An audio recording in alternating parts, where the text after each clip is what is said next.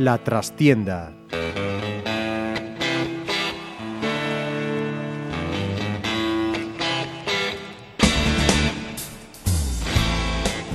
Saludos amigos, os habla Ramiro Espiño en nombre de todo el equipo. Comenzamos una nueva edición de La Trastienda en Pontevedra Viva Radio y parece que fue hace un lustro, pero sin embargo tan solo han pasado tres semanas desde que el Pontevedra hubiese dejado atrás una de las temporadas más complicadas de su historia reciente. Una temporada en la que un equipo presentado para luchar por los puestos altos se vio metido en un pozo que hizo temer por un descenso a los infiernos y del que no se pudo escapar hasta una agónica última jornada. No podíamos poner fin a la temporada en este programa, a cerrar nuestro ciclo hasta el próximo mes de septiembre, sin hacer balance de lo sucedido en el Pontevedra Club de Fútbol. Y para ello, como es lógico, la persona indicada es la presidenta Granate, Lupe Murillo. Bienvenido una vez más y muchas gracias por acompañarnos. Hola, Ramiro. Bueno, hora de hacer balance, ¿no? Ya con un poquito más de calma, con reposo, me imagino que con muchas noches aún dándole vueltas a la cabeza todo lo que ha sucedido para tener una cierta perspectiva. ¿Cuál es ese balance que haría Lupe Murillo de esta temporada que recién ha terminado? Bueno, la ventaja de verlo con distancia y la alegría por otra parte es pensar que bueno que la memoria por suerte en los, en los momentos malos pues, pues te, te ayuda ¿no? a, a olvidar esas, esos momentos tan malos ¿no? y te permite ver después pues, con ilusión y con ganas de hacer todo el más allá, no el futuro. Esto lo estaba pensando ahora cuando hacías este rato horrible de la temporada, como así yo lo he sentido, pero claro, no debemos olvidar que no hace mucho estábamos en Casa y Solución, que no hace mucho estábamos descendiendo de segunda división al, al, poco de llegar, no hace mucho teníamos un montón de problemas que no eran futbolísticos, sino extradeportivos, y eso parece que ya se olvidó. Por eso me alegra saber que yo en breve voy a olvidar lo pasado, porque ha sido muy difícil. Todavía no lo has olvidado, entonces. Hombre, ya estoy haciendo una especie de, de, de no sé, de ejercicio de voy a, pon, voy a, poner encima de la mesa lo bueno que ha pasado esta temporada para poder olvidar cuanto antes ese sufrimiento cada fin de semana durante estos 10 meses que ha sido durísimo. Yo creo que hay un momento eh, cumbre en el que precisamente saltó por los aires Lupe Murillo, ¿no? Y por la tensión acumulada me refiero. Eh, después de verlo prácticamente todo perdido, hay un partido clave frente a la Unión Adarve y Lupe Murillo eh, tuvo una reacción con el árbitro de, del partido muy polémica eh, que le llevó a ser recogida incluso en el acta arbitral, ¿no? Sí, eh, bueno, uno tiene que ponerse en situación y decir lo que volvería a hacer si volviera a pasar lo mismo y lo que no haría. Probablemente yo no volvería a haber hecho lo mismo si esto vuelve a pasar. Es cierto que yo estaba ante un vestuarios en ese momento, que no suelo hacerlo tampoco, había acabado el partido, veía que nuestros jugadores no se iban del campo y que efectivamente estaban encarándose con el árbitro. En ese momento bajo al túnel de vestuarios para intentar un poco lidiar con la situación que veía que se nos iba de las manos. Eh, teníamos un partido último más allá y yo no, podía, no podíamos permitirnos el lujo de perder jugadores por sanciones post partido. En ese momento es cuando voy al túnel de vestuarios, me encuentro con el cuarto árbitro y le pregunto eh, realmente si él ha visto el penalti o no lo ha visto, si es consciente de lo que nos estábamos jugando en ese momento después de un partido donde intentamos hacer de todo y no, no salió nada. ¿no? Hubo un montón de ocasiones para poder marcar y aquello no salía. Y en ese último momento de la prórroga, en donde el penalti yo creo que es clarísimo, cualquiera en otras circunstancias lo habría pitado, casualmente estaba con un árbitro que durante dos temporadas jamás hemos ganado un partido con él. Entonces, aquello todavía pues, te llena más todavía de, de fuerza de poder decirle cómo no has visto hoy tampoco este penalti. ¿no? El cuarto árbitro me indica que, bueno, que si no lo han pitado es porque no lo han visto. Entonces yo me quedo esperando. En ese momento llega Edu, Edu quiere hablar con este cuarto árbitro, pues le digo que no es el momento. Efectivamente vino otro jugador, tampoco venía, pues venían calientes de un partido, ¿no? Y también le digo que se aparte, que, que tampoco toca. Y soy yo la que espera a los tres árbitros cuando abandonan el campo y les pregunto si no ha visto el penalti, si esta vez tampoco ha visto el penalti y si es casualidad. Esta es la realidad de lo que le pregunto, es una pregunta esto se saca de contexto. Al señor no le gustó que yo le preguntara de nuevo por el penalti si no lo había visto una vez más porque llevamos dos años sin ganar con él y si era casualidad. Creo que no le gustó, le pregunté dos veces, no me contestó. La tercera preguntó quién era yo. Y en ese momento es cuando Roberto Feas me lleva y me dice, vámonos porque, porque, bueno, porque, porque te va a apuntar, efectivamente va a notar en el acta que le has preguntado esto. ¿no? En ese momento el árbitro pregunta quién soy yo, nadie le contesta, ni Rafa Vidal, ni Secre, evidentemente los de la casa no lo contestan, entonces se acerca a la pareja de policías que estaban en el túnel de vestuarios y le pregunta quién era yo y ellos le dicen que es la presidenta. ¿no? Es curioso porque ese árbitro antes de irse pasaron, mm, pide a la televisión de Galicia que le hagamos llevar las imágenes para ver si era penalti o no era penalti. Entonces, imagino qué dudas tendría. Y, y esto se quedó ahí. ¿Qué pasa? Que en el acta pone que de manera ofensiva y, y violenta, algo así, yo le pregunto, yo entiendo que una pregunta no es ni violenta ni ofensiva, es una pregunta sin más. Lo que pasa es que creo que no le gustó mucho. Eh, una vez más un árbitro asturiano, una vez más alguien con que llevamos dos años sin ganar, y eso a mí me duele, y me duele porque me duelen las cosas que nos pasan. ¿no?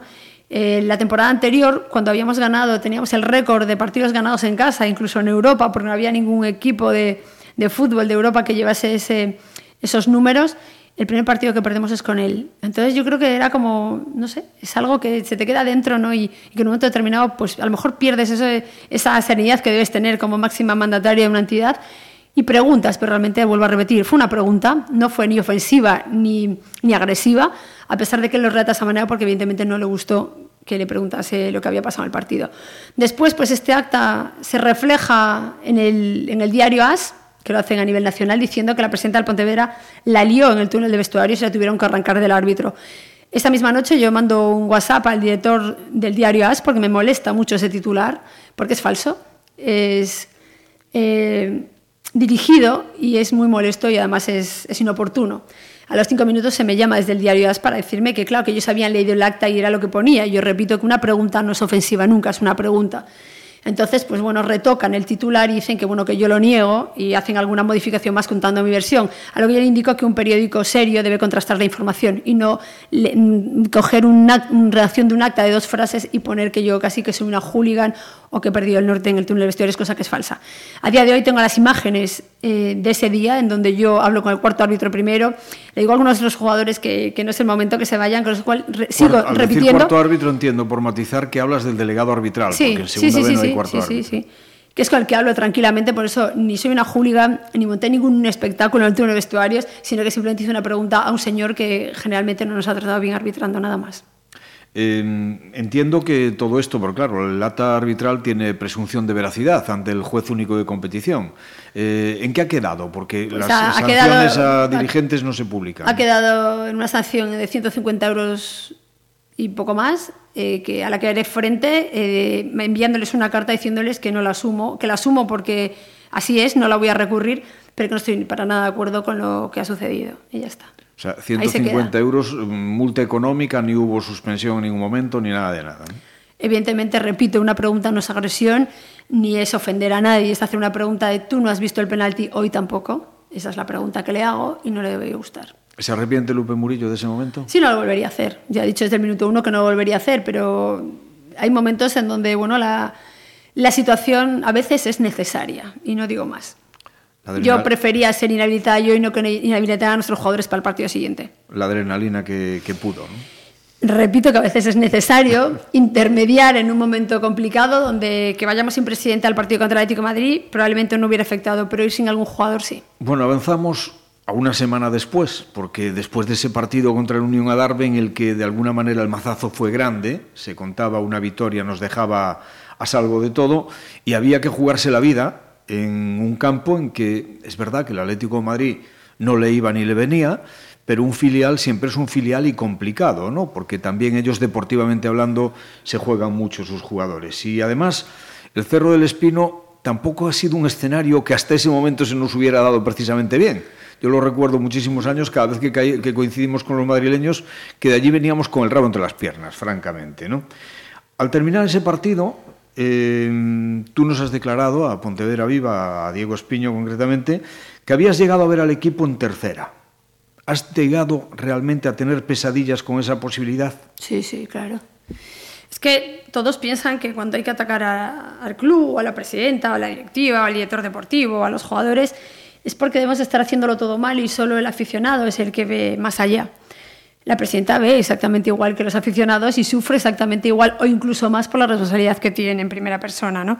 Lo he pasado francamente mal y sí, claro que vi el equipo en tercera división cuando veía que aquello no arrancaba, cuando un cambio de entrenador eh, que tiene que generar pues, algún cambio de no acaba de arrancar, cuando es cierto que conseguimos algún resultado positivo pero no lanzamos tres ni cuatro, cuando veo al equipo jugar mejor y sin embargo veo algunos jugadores que no están al 200%, pues todo eso te lleva a pensar que, bueno, que a lo mejor eh, esto no sale, ¿no? Y como es fútbol y por desgracia tú no puedes controlar al final los resultados, hay un factor de suerte, y en el fútbol existe, hay un factor psicológico importante, hay un factor deportivo y un factor físico, se conjuran todos a veces pues, para que las cosas no salgan. Es cierto que tuvimos cinco bajas importantísimas en esa segunda vuelta, importantísimas. Hemos ido incluso a tres partidos con bajas de tres laterales, tenido que jugar con defensa de tres, pero no porque fuera la idea del entrenador, sino es porque no había más efectivos. Teníamos a los dos laterales titulares lesionados e incluso al suplente con, tarjetas, ¿no? Entonces, ha llegado un momento donde hemos tenido que salir como pudimos, ¿no? De, de ciertos momentos, pues de, de que todos nos venían contra y encima y aquello no funcionaba, claro, que lo he visto ¿Pero igual por qué cualquiera. no reaccionaba ese vestuario, Lupe? Pues, pues no tengo ni idea de por qué ese vestuario no reacciona. Yo en determinados veces, momentos pensé que era un tema psicológico. Pero Mira, comentarios sí que siempre salen que hubo problemas en el vestuario, problemas de tipo deportivo, a lo mejor entre propios jugadores, compañeros, etcétera, etcétera. Yo, yo, yo creo... que, que, no salieron al exterior, pero que sí eh, sembraron una semilla mala, ¿no? Yo eh, creo que sí tuvo mucho bueno la entrada de los juveniles y de niños del filial en el vestuario. Sí creo que tuvo mucho bueno los jugadores que entraron al mercado de diciembre. Tú sabes que en el fútbol... Por la llegada de aire fresco. Sí, tú sabes que el factor psicológico en el fútbol es importantísimo. Es un, todos dicen que es un estado de ánimo el fútbol. Tú sabes que, que cuando te metes en el pozo, salir del pozo es complicado. Y estábamos ahí metidos. Eh, los jugadores que estaban aquí, que siempre les había ido bien en el club y habíamos jugado un playoff recientemente a Segunda División, estaban como, como desarbolados, como que aquello no podía ser y les costaba mucho ver más allá, poder creer incluso en ellos mismos que era una buena plantilla, les costó mucho salir de ahí. El hecho de llegar en diciembre, llegar estos chavales jóvenes con muchísimas ganas de, de demostrar ¿no? que podían ayudarles, y esos fichajes de diciembre que venían sin la presión de estar ahí abajo, probablemente fue un hito importante para sacar el equipo adelante Fíjate y ganar yo, la Copa Federación. Es que, que lo, lo, obviamos mucho, pero para mí es un, un, honor ¿no? decir que esa Copa Federación, la final la ganaron 7 sub-23 de 11. Es importantísimo. Entonces, démosle valor a lo bueno que hemos hecho también esta temporada, que no ha sido fácil. Eh, jugar dos competiciones a la vez suele ser muy complicado por temas de bajas, por temas de acumulación de sanciones, por temas de cansancio físico de los jugadores, jugar entre semana y jugar el fin de semana. Y hemos conseguido, hemos sido capaces de jugar esas dos competiciones, ganar una de las dos a nivel nacional, porque hemos jugado contra equipos de tercera y segunda B de toda España, oye, y le hemos ganado por segunda vez en la historia. Hay que sacar también lo positivo de esta temporada. Han sido capaces esos mismos jugadores de sacar todo esto adelante por un momento donde se nos plantea si seguimos o no seguimos en las dos competiciones, por la situación que teníamos en Liga. Y hubo que dar el paso de decidir que ya que habíamos llegado hasta ahí y era la forma de darle visibilidad a estos canteranos, pues se merecían que siguiéramos y lo decidimos. Era una decisión complicada que podía penalizarnos en, en, la liga y sin embargo pues al final salió bien, salvamos los muebles y recuerdo esa frase que me dice el día de mi cumpleaños el, el 5 de abril pues todos de los capitanes y me dicen, pero si no te preocupes que vamos a mantenernos y vamos a ganar la Copa Federación, tú no te preocupes y al final se dio. Fíjate Entonces, que la pues, Copa bueno. Federación generalmente es un incordio ¿no? para los clubes modestos y yo creo que en este caso fue el revulsivo que necesitaba el grupo. Sí, el grupo necesitaba creer. El grupo se hundió y el grupo por circunstancias y por, bueno, por, por mensajes que también llegaban de fuera, muchas veces, eh, que decían que la plantilla era peor, que la plantilla no servía, que la plantilla era mala. Yo creo que hubo un momento donde incluso algunos dentro del vestuario pensaron que la plantilla era mala y que la plantilla no iba a competir, ser capaz de competir toda la temporada para mantener el tipo. ¿no? Y creo que eso también se metió entre la cabeza de nuestros jugadores. Y fue complicado sacarles de ahí. Pero bueno, al final pues llegamos ¿no? y hemos quedado decimocuartos, que bueno, visto lo visto, pues no es una mala posición teniendo en cuenta todo lo que hemos tenido enfrente y la temporada que hemos tenido con un montón de problemas. ¿no? Es que, a ver, es evidente que el rendimiento de la plantilla, porque a veces las plantillas no son ni mejores ni peores, simplemente eh, rinden o no rinden, tienen un año bueno, otro año no tan bueno. Eh, a mí me consta que dentro del mismo seno de la plantilla, pues había eh, cuestiones, de alguna forma, que no, bueno, pues que no teníamos aquí un, ruidito, una interferencia extraña que no tiene nada que ver con lo que nosotros estábamos hablando. Digo que eh, la propia plantilla, los miembros de la plantilla, antes de empezar la liga, estaban convencidos de que tenían equipo para luchar por todo. Pero esa confianza se desmoronó muy pronto. Quizá duró las tres primeras derrotas, tal como vinieron. Sí, es cierto, es cierto. Bueno, y, es que si te das cuenta, la clave es incluso que el entrenador en un momento determinado dice que él no es capaz de levantar aquello. Y ahí es donde te empiezas a preocupar porque Luisito era alguien de la casa, Luisito era alguien que había peleado por todo y que tenía muchísima fuerza dentro de ese vestuario y de repente dice que él no puede más y que, y que no es capaz de sacar aquello adelante, ¿no? Entonces se nos cae todo. incluso yo creo que esto se, que Luisito siente en primera persona lo sentía también esa plantilla, ¿no? Y así nos fuimos hundiendo hasta Pero que, fue, bueno... fue un error no aceptar la dimisión de... Ahora, digo, visto con la perspectiva de lo que ha sucedido después, el no haberle aceptado la dimisión en su momento a Luisito. Yo es que de, los errores no vivimos, eh, Ramiro. Yo intento mirar hacia adelante. Yo creo que en ese momento en el que Luisito cree que no puede más, cree, lo cree, él, es una sensación que yo creo que tiene él. Eh, el Consejo de Administración y yo creo que incluso los jugadores, porque muchos nos miraban como extrañados, ¿qué pasa con Luisito? ¿no? Era como para ellos un poco extraña aquella Es que situación. yo algo te voy a decir, ¿no? A lo mejor es percepción mía, pero a mí me da la impresión de que Luisito esta temporada, al comienzo, distaba muchísimo del de temporadas anteriores. Yo le veía como más nervioso, como más presionado, incluso con un cierto toque huraño, osco. No sé si es así o no, tú que estabas más cerca de él, lógicamente lo podrás decir, pero pienso que esa actitud ha podido tener repercusión en el vestuario. Nos extraña mucho, Ramiro. Yo, a, mí, a mí me desconcertó aquella situación donde él dice que él no puede más, porque es que es cierto que teníamos a alguien de la casa, quien nos había dado unos excelentes resultados hasta entonces, y sí creíamos que él podía hacerlo, ¿no? Y, que no pudiera sacar aquello adelante y que, se rindiese tan pronto, hombre, nos desconcertó. Pero sí es cierto que él tenía mucha parte de cercanía con esos jugadores a los que había fichado, no lo olvidemos. Y que el Consejo de Administración, visto desde fuera, creíamos que todavía él era capaz de revertir la situación. Porque además teníamos un calendario que a partir de ese momento era favorable. Es cierto que habíamos tenido que enfrentarnos a los tops de la categoría, equipos con presupuestos importantes, con jugadores importantes, y que pudiera ser que ahora que nos quedaban pues seis partidos, pues oye, pues con equipos a priori, a priori, siempre a priori, porque en el fútbol ya sabes que nunca sabes a quién te vas a enfrentar, eh, a priori pues iba a ser más fácil, ¿no? Y al final no se dio. Entonces, por eso nosotros intentamos ver que, que, sí que él podía, aunque él no lo viese de momento. Y al final se dio que los resultados pues, fueron los que tomaron la decisión de la institución de Luisito, porque efectivamente, en el momento que dice yo no puedo más y no soy capaz de, pues debería tener razón. Roberto Feans, es obvio que hay que hablar de su trabajo. ¿Culpable o inocente de las decisiones deportivas? Eh, ni culpable al 100% ni inocente al 100%. Tiene la misma culpa que la puede tener Luisito, la puedo tener yo. Exactamente la misma. No se le puede achacar a él lo negativo de la temporada y no achacarle lo bueno de las tres anteriores. Esto es para todos es lo no, mismo. Yo no, Quiero no decir, achaco, yo no, solamente no, no, pregunto. No, no, yo te, lo, yo te lo explico. Si Roberto es malo ahora, Roberto debió ser la estrella en los tres años anteriores, cosa de la que nunca se habló. Roberto fichó a todos los jugadores. No, pero ya sabes que el fútbol tiene las, bueno, pues, la memoria muy corta. Bueno, ¿no? pero yo la tengo muy larga. Y como soy la presidenta, de momento decido yo. Esto funciona así, al menos en este club. Eh, Roberto Feas forma parte del Consejo de Administración desde el minuto uno en que yo cojo la presidencia. Alberto Orgibay decide dimitir a los 10 días de mi llegada y decir que no piensa colaborar en la parcela deportiva, con lo cual es Roberto Feas el que asume eh, que teníamos que fichar un equipo para estar ahí arriba. Es Roberto Feas única y exclusivamente, nadie más, quien ficha a los jugadores que son campeones de liga en tercera división y que consiguen el ascenso. Es Roberto Feas. En ese momento, pues nadie se acordó del director deportivo, que era quien realmente había hecho esa plantilla. Nos acordamos del club, nos acordamos de lo contentos y felices que estamos, pero nadie se acuerda de su figura. Continúa el Consejo de Administración y ya con Luisito, en eh, su colaboración, eh, buscan lo mejor para nuestro club y para nuestro equipo.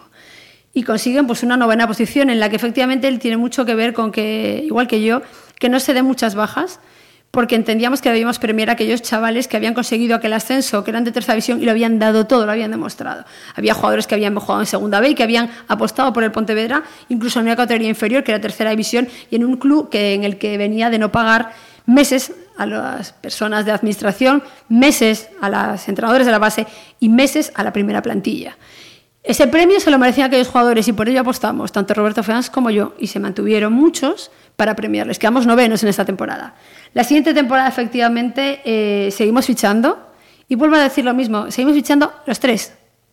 Y así hasta hoy. Eh, si a alguien hay que achacarle la mala gestión deportiva es a la presidenta o incluso al Consejo de Administración, porque todos trabajamos de la misma manera.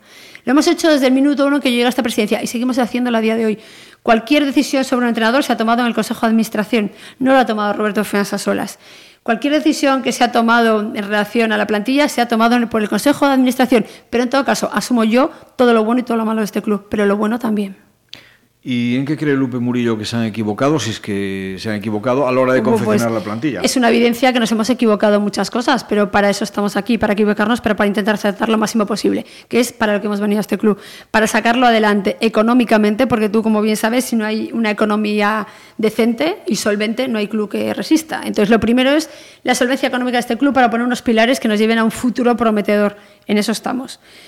Lo segundo, pues que la parcela deportiva efectivamente rinda sus beneficios. En este momento tenemos un jugador que estamos negociando con el Fútbol Club Barcelona que se lo lleve, con lo cual ya empieza la cantera a dar sus reídos. Y esto también es mérito de Roberto Fianza, aunque también lo olvidemos, no del visito, ni de la presidenta, ni del Consejo de Administración, pero vamos a aplicárselo también al Consejo de Administración. Los méritos son de todos. Y como son de todos, esto es otro éxito del Consejo de Administración igual que pues el fracaso de la temporada, si lo tildamos así, que arde decimocuartos. El sufrimiento, lo comparto, ha sido tremendo durante toda la temporada y en primera personal de la presidenta. La temporada fracasada en el club, no, en el primer equipo del club. El club es mucho más. El club es una estabilidad económica, el club es una estabilidad deportiva, el club es una cantera, el club es una masa social, el club es una instalación deportiva que tenemos que hacer en breve, no, no muy tarde. El club son muchas cosas, no solo los resultados del primer equipo. Por eso espero que, igual que entiendo que no ha sido un fracaso la temporada, sino que ha sido un auténtico sufrimiento, veamos lo positivo que ha hecho el club en esta temporada, que es otro éxito económico, un éxito de cantera, que esa final de la Copa Federación eh, sean 7 sub-23 de 11 jugadores la que la ganen, y que significa que bueno, algo estamos haciendo bien también, ¿no? Que esas cosas a veces se olvidan porque ponemos por encima lo malo, siempre es así, lo malo por delante lo bueno, lo bueno también existe y me gustaría que también se premiara y no solo acordarnos de personas que han estado dándolo todo por este club y solo los machacamos cuando las cosas vienen mal dadas. Remodelación del Consejo de Administración es algo que tiene que producirse más pronto que tarde, por, digo por el tiempo que, que llevan en el cargo. Ramiro, el año que viene, algunos, algunos años que viene. ¿Habrá cambios? ¿O pretende Pues evidentemente calculo que, los accionistas, estos señores de mi año que tienen un porcentaje, querrán su puesto en el Consejo de Administración y calculo que habrá que valorarlo porque tienen derecho a ello. Pero sin embargo, cuando se produjo el primer cese, que fue el de Luis Durán, no, no lo hicieron. no optaron. Yo creo que no se dieron cuenta. Y como no se dieron cuenta, no propusieron a nadie. Entonces, si no proponen ellos a nadie, yo, yo sé a quién proponer. Entonces, pues nada, calculo que cuando llegue la próxima vez eh, tendrán preparado a alguien que venga a aportar, espero, vamos, al club, porque como son accionistas, imagino, quiero creer que les importará este club y querrán hacer las cosas bien, por el bien del club. Pero ¿y el Lupe Murillo y su equipo qué van a hacer? ¿Seguirán presentando la candidatura para reemplazarse a sí mismos, digamos, en el puesto? ¿O habrá caras nuevas? No, no, no, sí, sin duda yo presentaré a mi equipo. Y desde luego yo soy de equipos que me funcionan y este momento me está funcionando. Si tuviera que destituir a alguien, hombre, pues se hará desde luego. Lo cual quiere decir que si hay mayoría accionarial mantendrá a esos otros grupos fuera del Consejo. No, no, el Consejo, a ver, con un porcentaje, eh, nuestros estatutos permiten que, que el sistema proporcional se aplique si nadie lo pide, no se aplica, pero si alguien lo pide, ellos tienen un porcentaje por el cual pueden pedir, pues me parece en este momento hasta tres personas en el Consejo de Administración. Cuando llegue el momento de las elecciones, pues podrán pedir que tres personas que ellos decidan entren en el Consejo de Administración, con lo cual tres personas que están ahora mismo tendrán que salir. Esto es, una, esto es evidente. Y esto, si no me equivoco, sobre el mes de diciembre, ¿no? El no, no, no, no, es en febrero. Y probablemente el Consejo no se reúne hasta final de temporada, hasta la asamblea siguiente. Entonces no, no va, a no va a ser en esta temporada, Ramiro. No, no, por eso digo, pero En, en, febrero es cuando termina la... En febrero terminan y probablemente se les, prorrogue, se les prorrogue por cooptación hasta la siguiente asamblea. esto está permitido en el estatuto y así será. No va a haber cambios en esta temporada, si es lo que por, me preguntas. Por eso decía que en todo caso se mantendría la actual composición hasta diciembre del 2019. desconozco si la actual composición se va a mantener, al menos de los que trabajan conmigo, hasta el 2019. Lo que sí te garantizo es que los que trabajan conmigo van a estar hasta que acabe la temporada. Bueno, y pasando entonces a lo que Pero no sé cuál es la duda. ¿Quién tiene dudas si tiene que entrar alguien o no? ¿Hay dudas? No, no, no, ah. yo solamente pregunto por el tema de no, no, no, el relevo lógico, ¿no? Hasta el, final, de, hasta el final, de, hasta el final de temporada no va a haber cambios. Bien, el o tema sí, que... O sí, porque hay alguno que está en este momento que tampoco está trabajando mucho con el Consejo de Administración. ¿A quién se refiere concretamente? Ya sabemos quién es, no conocemos todos. Alberto Argibay. Por ejemplo. Pero eso depende de si él quiere presentar la, la dimisión antes de tiempo. Bueno, en algún caso sí.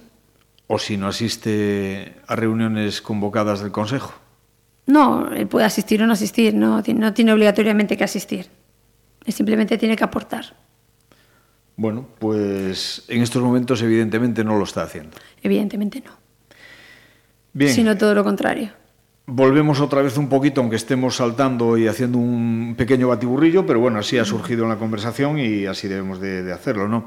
Jorge Carrillo al Barcelona, eh, jugador cadete, portero con unas condiciones impresionantes. Obviamente, si hay alguien por aquí en el entorno que sabe de porteros, ese es Amador Lorenzo, que además de ser un pontevedrés de, pro y nacido futbolísticamente en el Pontevedra, ahora mismo pues es el responsable de, los servicios técnicos del Barcelona por toda esta zona y se ha fijado en él ya desde hace tiempo. Eh, por fin hay conversaciones ya entre los clubes. en, qué, ¿En qué punto están? Bueno, el club ha tenido tres ofertas por ese jugador. El Real Madrid, el Deportivo de La Coruña y el Barcelona. El jugador muestra interés preferente porque negociamos con el Barcelona y así lo vamos a hacer preferentemente. O sea, por los tres grandes, digamos, ¿no? Los más poderosos. Tú si dices esto de los tres grandes aquí en Galicia, los del Celta te van a decir algo. No, no, pero sí, el bueno, fútbol español. Sí, sí, el Deportivo, el Deportivo La Coruña, el Real Madrid y el Fútbol Club Barcelona son los que se han interesado por este mm. jugador. Eh, había entendido, perdón, es que había entendido Atlético de Madrid también, que andaba por, por en medio y el, chaval prefiere el Barcelona, ¿no? Él muestra su preferencia hacia el Fútbol Club Barcelona, con lo cual pues el club, bueno, está en conversaciones con ese club en este momento por el jugador. Hombre, si nos ofrecen un partido del primer equipo, por ejemplo.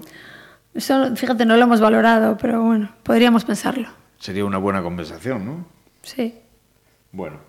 Pues volvemos un poco al punto que, habíamos dejado, ¿no? concretamente de, la temporada pasada, ¿no? de, lo que ha sucedido. Eh, hubo jugadores, desde mi punto de vista, que se han borrado anticipadamente, han perdido implicación, pero otros, y me refiero muy especialmente a los que más años llevan en el club, que dieron un paso adelante y fueron claves. Eh, Edu, obviamente, dentro y fuera del vestuario, Alex Fernández, Mourinho, Alex González, no sé, posiblemente me deje alguno atrás. Goldar, incluso habiendo venido independientemente de, sus aciertos o errores sobre el terreno, pero a nivel de implicación, David Castro, yo creo que, fueron los que tiraron del carro, ¿no?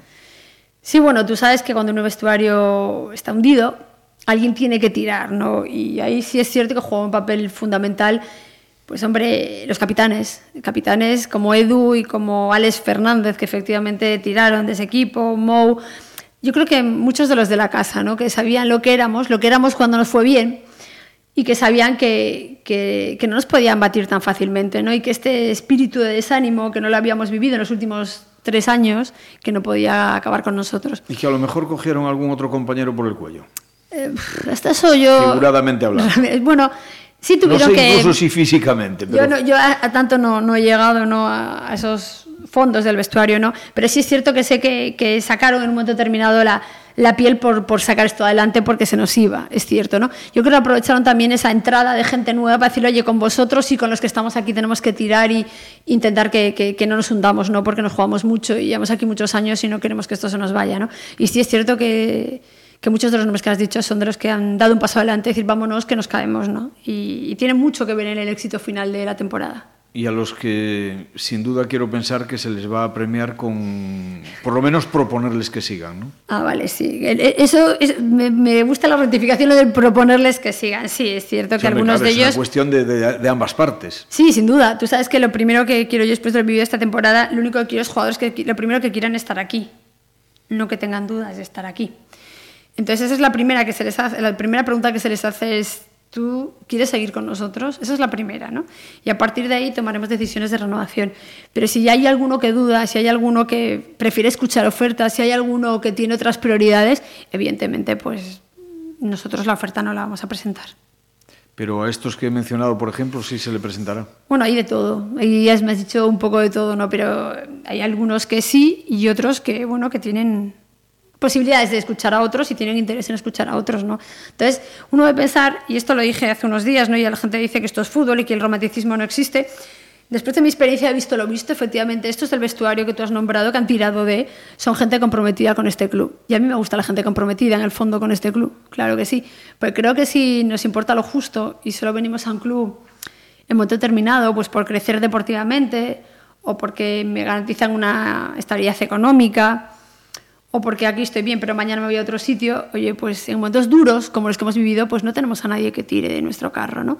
Por eso digo que a veces es importante que además de ser un buen jugador, un buen futbolista y un buen profesional, seas también de la casa. Y eso es importantísimo, eh, al menos en nuestros vestuarios, lo ha sido. Y esta es una demostración más de que ha pasado. Que se transmitan valores y sentimiento. Sí, sentimiento granate. Yo entiendo que esto del fútbol es complicado, porque casi no hay canteranos, ¿no? A veces en los primeros equipos, y transmitirle a alguien que, que, tú te lo juegas todo y que tú sientes y que esa gente que viene a pasar a un cada amigo está sintiendo con lo que tú hagas, a veces es complicado. A veces son chavales jóvenes y que vienen de, de estar en la élite y de repente vienen al Pontevedra y piensan que esto es nada y que bueno, que es un paso más en su carrera porque tienen que ganar un dinero como futbolistas y un paso más oye, pues eh, me gustaría transmitirles que esto es un club importante y que es importante estar aquí y que la gente está ilusionada por verles y que les va a apoyar hasta el final siempre que lo den todo y que esto es un club importante. ¿no? Entonces el sentimiento, sí, claro, que además de ser un buen futbolista, en este club es importantísimo tener ese sentimiento granate. ¿no? Bueno, vamos avanzando y entramos ya en, el futuro inmediato. ¿no? A nivel deportivo, de momento prácticamente sin noticias, la única, la renovación de Luismi. Se tardó tres semanas ¿no? en, en confirmar que Luismi iba a, ser, iba a continuar ocupando el banquillo. ¿Hubo dudas en algún momento? Lo digo por esa tardanza en, en ratificarlo en su puesto, en ofrecerle la renovación. No, hubo simplemente una necesidad de espacio vital para la presidenta, por ejemplo. Eh, las prisas no son buenas y yo entiendo que después de lo que habíamos pasado en la temporada, eh, todos necesitábamos un espacio para poder ver todo desde la distancia y, y con tranquilidad volver a afrontar el futuro. Eh, había que reunir al Consejo de Administración porque, repito, y lo dije ya en mi alegato a favor de Roberto Feanas aquí, no decide uno, ni dos, ni tres, decide un Consejo de Administración encabezado por mí, con lo cual yo asumiré todo lo malo y todo lo bueno en primera persona y ya está.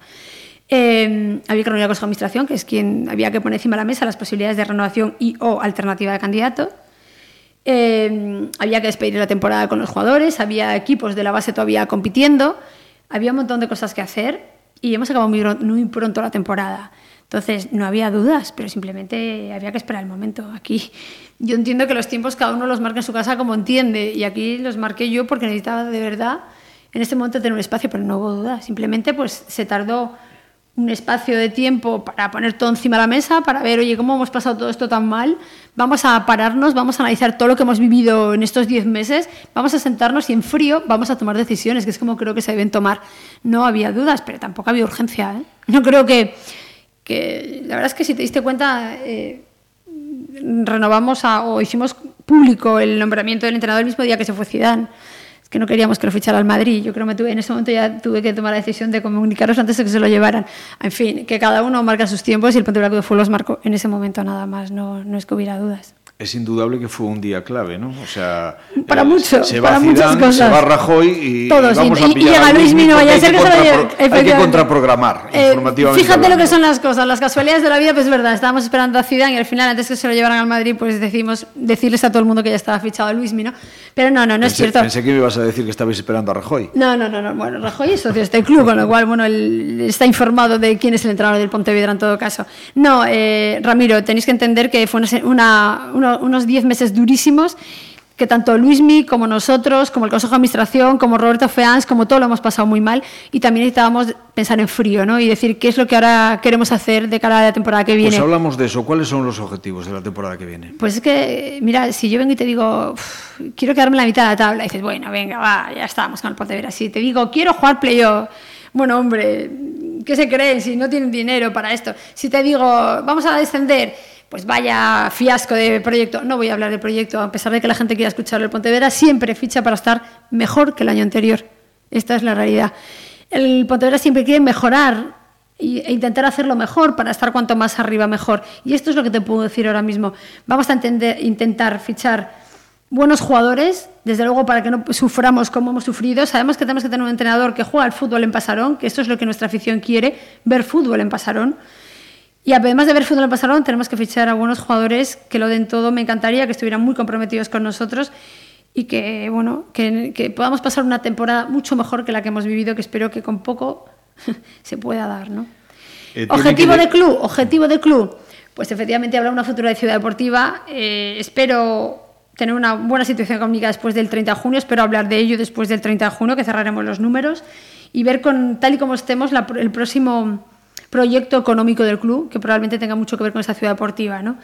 Eh, a nivel de cantera, vamos a seguir mejorando la cantera, vamos a hacer ajustes también en los equipos que vamos a tener. Tenemos muchísimas llamadas de muchísimos niños, cosa que me alegra mucho por comunicarlo ahora, que quieren venir al Pontevedra, que me están llamando madres para preguntar cuándo son las jornadas de captación, porque bueno, yo creo que viendo lo que hemos apostado por estos canteranos este año, pues yo creo que hay mucha gente que quiere venir, ¿no? Me ilusiona eso, me ilusiona saber que los niños quieren ser del Pontevedra. Es probablemente las mayores ilusiones que tengo en, este mundo del fútbol tan complejo. Yo paso muchas tardes en la Junquera y ver que esos niños quieren lucir nuestro escudo. ¿no? Es un tema ya y es cierto, esto es romanticismo del fútbol. Quiero que se sientan granates y que la ciudad de Pontevedra sepa que el Pontevedra es de ellos, ¿no? que, es un club de todos. Hablabas de jugadores comprometidos, de buscarlos. No tienen que llegar caras nuevas, eso es, evidente, porque ahora mismo el club con contrato en vigor tiene solo tres jugadores.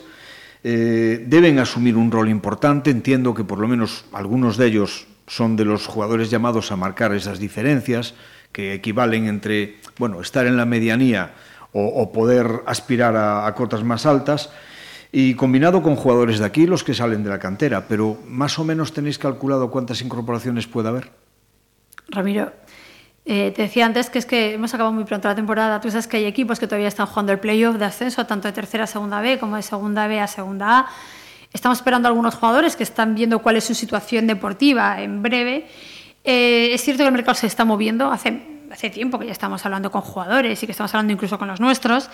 Pero el mercado, por circunstancias, pues es el que es. Y quiere decir que entonces una oferta y a la vez que la haces tú estás escuchando de otros clubes. Entonces, cerrar algo de repente, no lo sabes. Si yo te digo ahora que podemos cerrar cinco mañana, pues es un poco complicado. Yo mañana no tengo cinco jugadores cerrados, ni de las que tenemos ni de los que van a venir. Porque todos están esperando a escuchar a otros, ¿no? Y están negociando. Que Pero tú sabes que... más, que les des menos. O sea, no lo sabes. A priori, cuando acabas una temporada mm. y tenemos una plantilla configurada para que no nos cueste dinero si no funcionan, pues que se vayan, ¿vale? Es complicado decirte, es que tengo 10 renovados. No, no tenemos 10 renovados en este momento.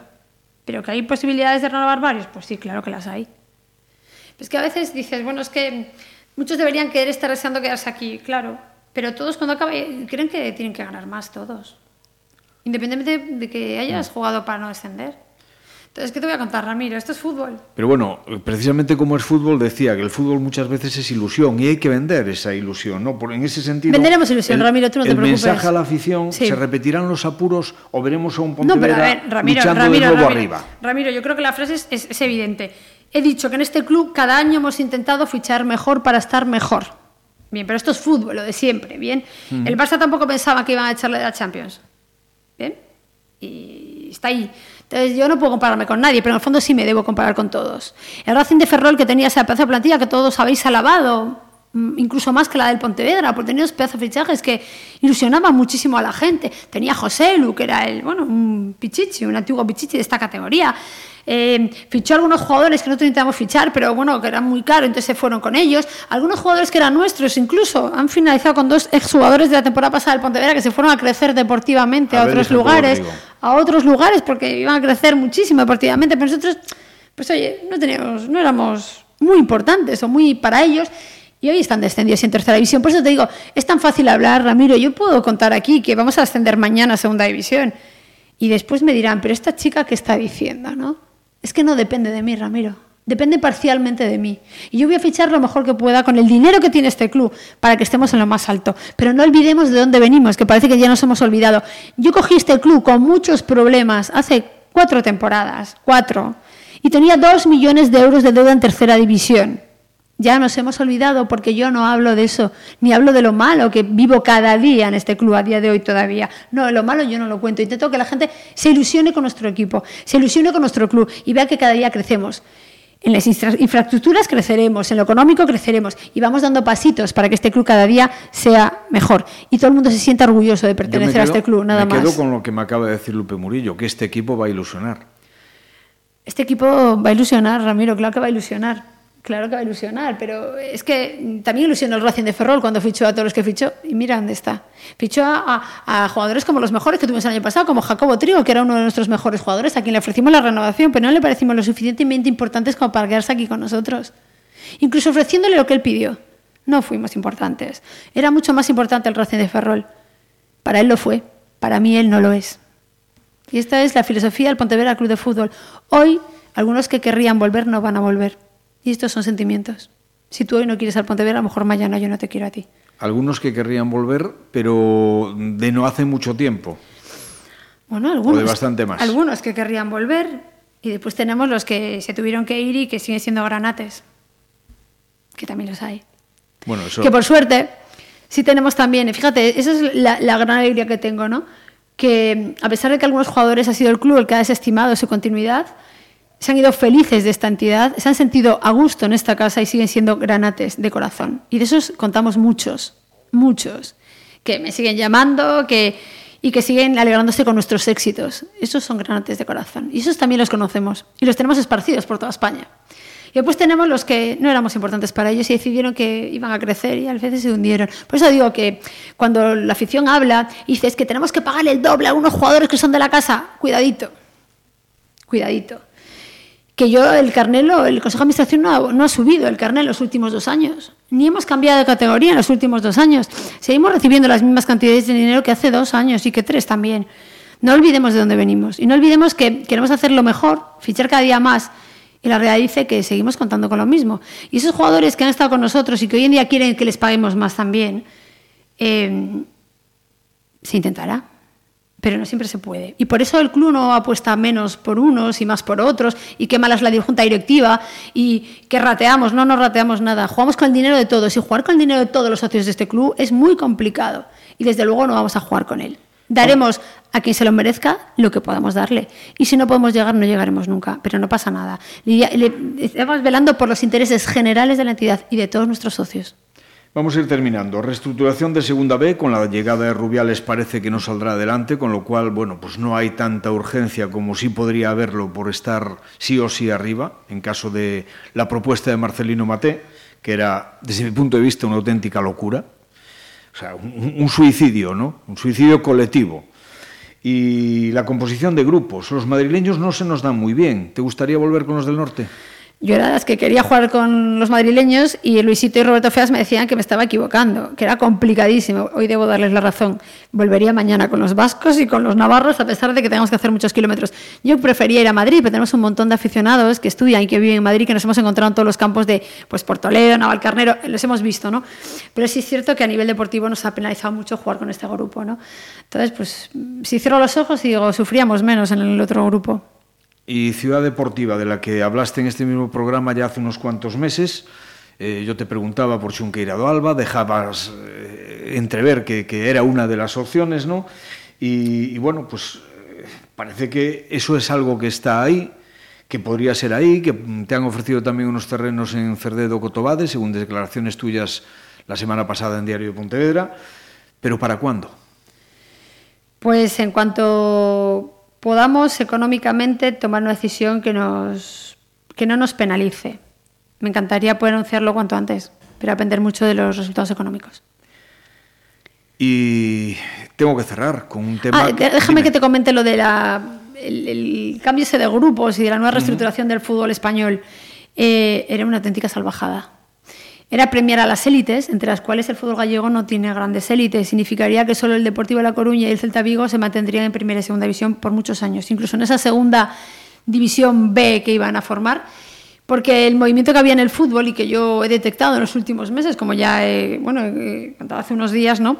es comprar clubes. Los clubes de primera división estaban, y de segunda estaban comprando clubes de segunda B para poder posicionarlos en, esos, en esa segunda B de élite a la que llegarían los filiales porque lo son, y después aquellos clubes comprados, por ellos mismos, en donde foguear a sus jugadores que no llegan todavía a segunda o a primera y a la vez recibir ingresos de televisión, que es como lo están haciendo ellos. La diferencia es que, por ejemplo, el Celta Vigo tiene 49 millones de euros en derechos de televisión, el Lugo 7 y el Pontevedra pues 60.000. Entonces, con esas previsiones, los grandes serían con el mercado de primera, segunda y segunda B y los demás no competiríamos nunca. Entonces, menos mal que esa postura que aprobó el fútbol, el fútbol gallego a propuesta de la Federación Gallega de Fútbol se ha desestimado, porque era una auténtica salvajada para el fútbol modesto de nuestra comunidad. En ese, en ese sentido, de el Pontevedra, Club de, el Pontevedra Club de Fútbol votó en contra de esta propuesta ese día en la Federación no, Gallega de Fútbol. si el Pontevedra fue objetivo de alguno de esos clubes grandes. Sí, claro. ¿Se puede saber de quién? Bueno, no lo he desvelado, pero es un club madrileño, el que intentó hace unos meses lanzó su oferta sobre el Pontevedra. Atlético de Madrid. No puedo. No, el Atlético de Madrid no fue. Y no voy a dar más pistas, pero no fue el Atlético de Madrid. Entonces, por eso digo que el fútbol se estaba moviendo en una dirección que al fútbol modesto no le interesa y desde luego el Pontevedra Club de Fútbol es un equipo del fútbol modesto todavía. Pues así a bocajarro te pregunto, ¿el Pontevedra Club de Fútbol está en venta? No, el Pontevedra Club de Fútbol ha rechazado eh, tres o cuatro posibilidades de venta en los últimos años. Pero lo que sí significa esto es que el Pontevedra es un club atractivo en este momento que no lo era cuando yo llegué a esta presidencia, sino todo lo contrario, lo que quiere decir que algo bien habrá hecho esta Junta Directiva, este Consejo de Administración, para poder ser hoy un club atractivo para muchos clubes españoles y extranjeros y muchos fondos de inversión que tienen sus ojos puestos en este club que para mí es muy importante y dice mucho de lo que hemos hecho en estos cuatro años. ¿Los cantos de sirena recibidos serán tentadores? Nunca escuché las cantidades, Ramiro porque me parecería tan triste haber luchado cuatro años por sacar este barco adelante, poniendo horas, dedicación, tiempo y dinero de todo ese consejo de administración, de mucha gente que trabaja en mi equipo en Pescamar, trabajando gratis por el Pontevedra Club de Fútbol, y que ahora vinieran otros señores que no tienen este sentimiento que sí tengo yo personalmente, ¿no? Y que, y que esto volviera, se volviera otra cosa que no es, ¿no? Lo dije un día cuando el Celta de Vigo se iba a vender a los chinos, que yo dije que jamás, eh, antes de vender yo a los chinos o a cualquiera que entre por la puerta, cambiaré los estatutos para que este club intente ser siempre esta ciudad con unas condiciones determinadas y si no quedara más remedio, ¿no? Pero a priori eh, el Pontevedra tiene que crecer de momento con los que estamos en casa, ¿no? Lupe Murillo, yo evidentemente en tu condición, múltiple condición de empresaria, de política, de presidenta del Club de Fútbol, tengo que hablar también, aunque este sea un programa deportivo y lo que te voy a preguntar no tenga nada que ver con el deporte, no puedo dejar de hacerlo en tu condición precisamente de política, de miembro del Partido Popular, por lo que ha sucedido este fin de semana, muy ajetreado. Moción de censura a Mariano Rajoy, relevo de Jacobo Moreira en la presidencia local del Partido Popular, candidatura de Rafa Domínguez a esa misma presidencia y supuestamente a a las eh, elecciones municipales próximas de, dentro de un año. Candidatura, por cierto, para, para la cual el nombre de Lupe Murillo también había sido de las que sonaban campanas por ahí adelante. ¿Qué opinión tienes de todo eso? Pues a mí me parece una pena que Mariano Rajoy haya salido del gobierno de España. Primero porque es de Pontevedra, segundo porque es socio del Pontevedra y tercero porque creo en él como gestor en este país. Y me parece tremendo y muy triste que un señor como él y con la honestidad que tiene tenga que salir por la puerta de atrás cuando ha sacado a España de una crisis como la que salió. Esto en primer lugar. En segundo lugar, a nivel local, eh, Rafa Domínguez ha presentado su candidatura a unas elecciones a la presidencia del Partido Popular en Pontevedra, que se celebrará dentro de un mes. Y bueno, pues es un buen candidato para, para nuestro partido y calculo que habrá o no más candidaturas a este Congreso. De momento no, no se ha hablado nada pero no me has dicho la última parte, que era sobre tu supuesta opción Ramiro, yo siempre estoy, que se ha barajado. no sé si en algún momento hubo posibilidades o no. Yo estoy en las quinielas desde hace años, en todas las quinielas. Lo estuve primero, ya cuando no tenía nada que ver con el Pontevedra, que me había ido, siempre soné con que, sonó con que yo iba a volver a la presidencia del Pontevedra. Nunca tuve intención y hoy soy presidenta del Pontevedra. Nunca han tenido intención de ser alcaldesa de Pontevedra, pero nunca he dicho de esta agua no beberé porque, ya repito, yo no iba a ser presidenta del Pontevedra y hoy soy presidenta del Pontevedra. Con lo cual, eh, sigo siendo presidenta del Pontevedra. Mm, a muchos que me lo preguntaban siempre les contestaba lo mismo. ¿Has visto algún presidente de un club de fútbol que sea alcalde de su ciudad? Porque en mi cabeza no estaba dejar la presidencia del Pontevedra. Entonces hay veces que se complican las cosas porque yo cuando estoy en el Pontevedra y tengo un mandato hasta el 2020, 19, hasta el 2020, me planteé hacer cosas en el Pontevedra. En este momento soy la portavoz de deportes del Partido Popular en el Parlamento de Galicia, es decir, todo lo que viene de deportes a nivel gallego pasa por mis manos también. Esto sí me gustaría decirlo porque creo que es importantísimo. Yo cuando llegué le dije a todos los grupos políticos en el Parlamento que todo lo que fuera mejorar el deporte en Galicia y pelear por el deporte gallego iban a contar conmigo en todo lo que ellos quisieran. Si íbamos a hacer política en el deporte, me tendrían en contra y, tenemos mayoría absoluta. Desde que puse un pie en ese Parlamento y he tenido temas de, de deportes, todos los temas de deportes en el Parlamento de Galicia, de 10 que han venido, aproximadamente 9 se han aprobado por unanimidad de todos los partidos, incluido el Bloque, el Partido Socialista y la Marea. Eso significa que si soy capaz de colaborar por el bien del deporte en Galicia, y se está haciendo bien, porque repito, hemos conseguido unanimidad en casi todo lo que ha pasado de deportes por el Parlamento de Galicia, significa que algo estoy haciendo bien de momento en el Parlamento. Por eso plantearme cambiar de rumbos en momentos donde las cosas se están haciendo de una manera creo que adecuada, tampoco creo que sea interesante para nadie. Ni para Galicia, ni para mí, ni para el Partido Popular. ¿Te ha sorprendido el, el echarse a un lado de Jacobo Moreira? No, no me ha sorprendido. Entiendo la posición de Jacobo Moreira. A veces no es fácil estar en esa posición. A mí no me gustaría haber estado. ¿Y valoras como valiente la postura de Rafa Domínguez o de qué manera? No, entiendo a Rafa Domínguez, que es una persona Pontevedra, que le hace ilusión sacar el partido adelante y que bueno que está dentro ahora mismo de, de, la corporación, no lo tiene más fácil. Él está dentro ahora mismo, conoce lo que ha pasado en esta ciudad en los últimos tres años y hombre tiene una posición más fácil, ¿no? Que los que están fuera ahora mismo, sin duda.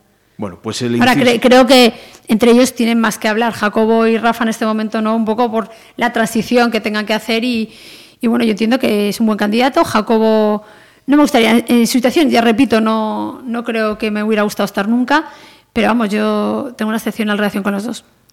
Pues hasta aquí ese inciso no deportivo en esta trastienda, pero que creo que era necesario, por la inmediatez de, de, los hechos, pues aprovechar también la presencia aquí de Lupe Murillo para cerrar esta trastienda. Muchísimas gracias y que el año que viene pues tengamos menos no tantos Ramiro. apuros. Men menos sufrimiento, porque es un horror vivir esto durante diez meses con la responsabilidad que tiene ser socia, accionista y además presidenta. Muchas gracias. Muchas gracias. Y a todos los que nos habéis escuchado durante toda esta temporada, que nosotros hacemos también un poco como, con lo deportivo, os dejamos con nuestro habitual cierre musical. Como en este programa somos muy fan de The Boss, la despedida de temporada tiene forzosamente que llegar de su mano. Bruce Sprinting con su Street Band, acompañado también por el líder de los legendarios Creedence, John Fogerty en un irrepetible concierto en el Madison Square Garden de Nueva York para dejarnos esta versión del clásico de Roy Orbison, Pretty Woman. Como siempre, que lo disfrutéis. Volvemos en septiembre con el inicio de esa nueva temporada y hasta entonces, feliz verano a todos y muchas gracias por escucharnos.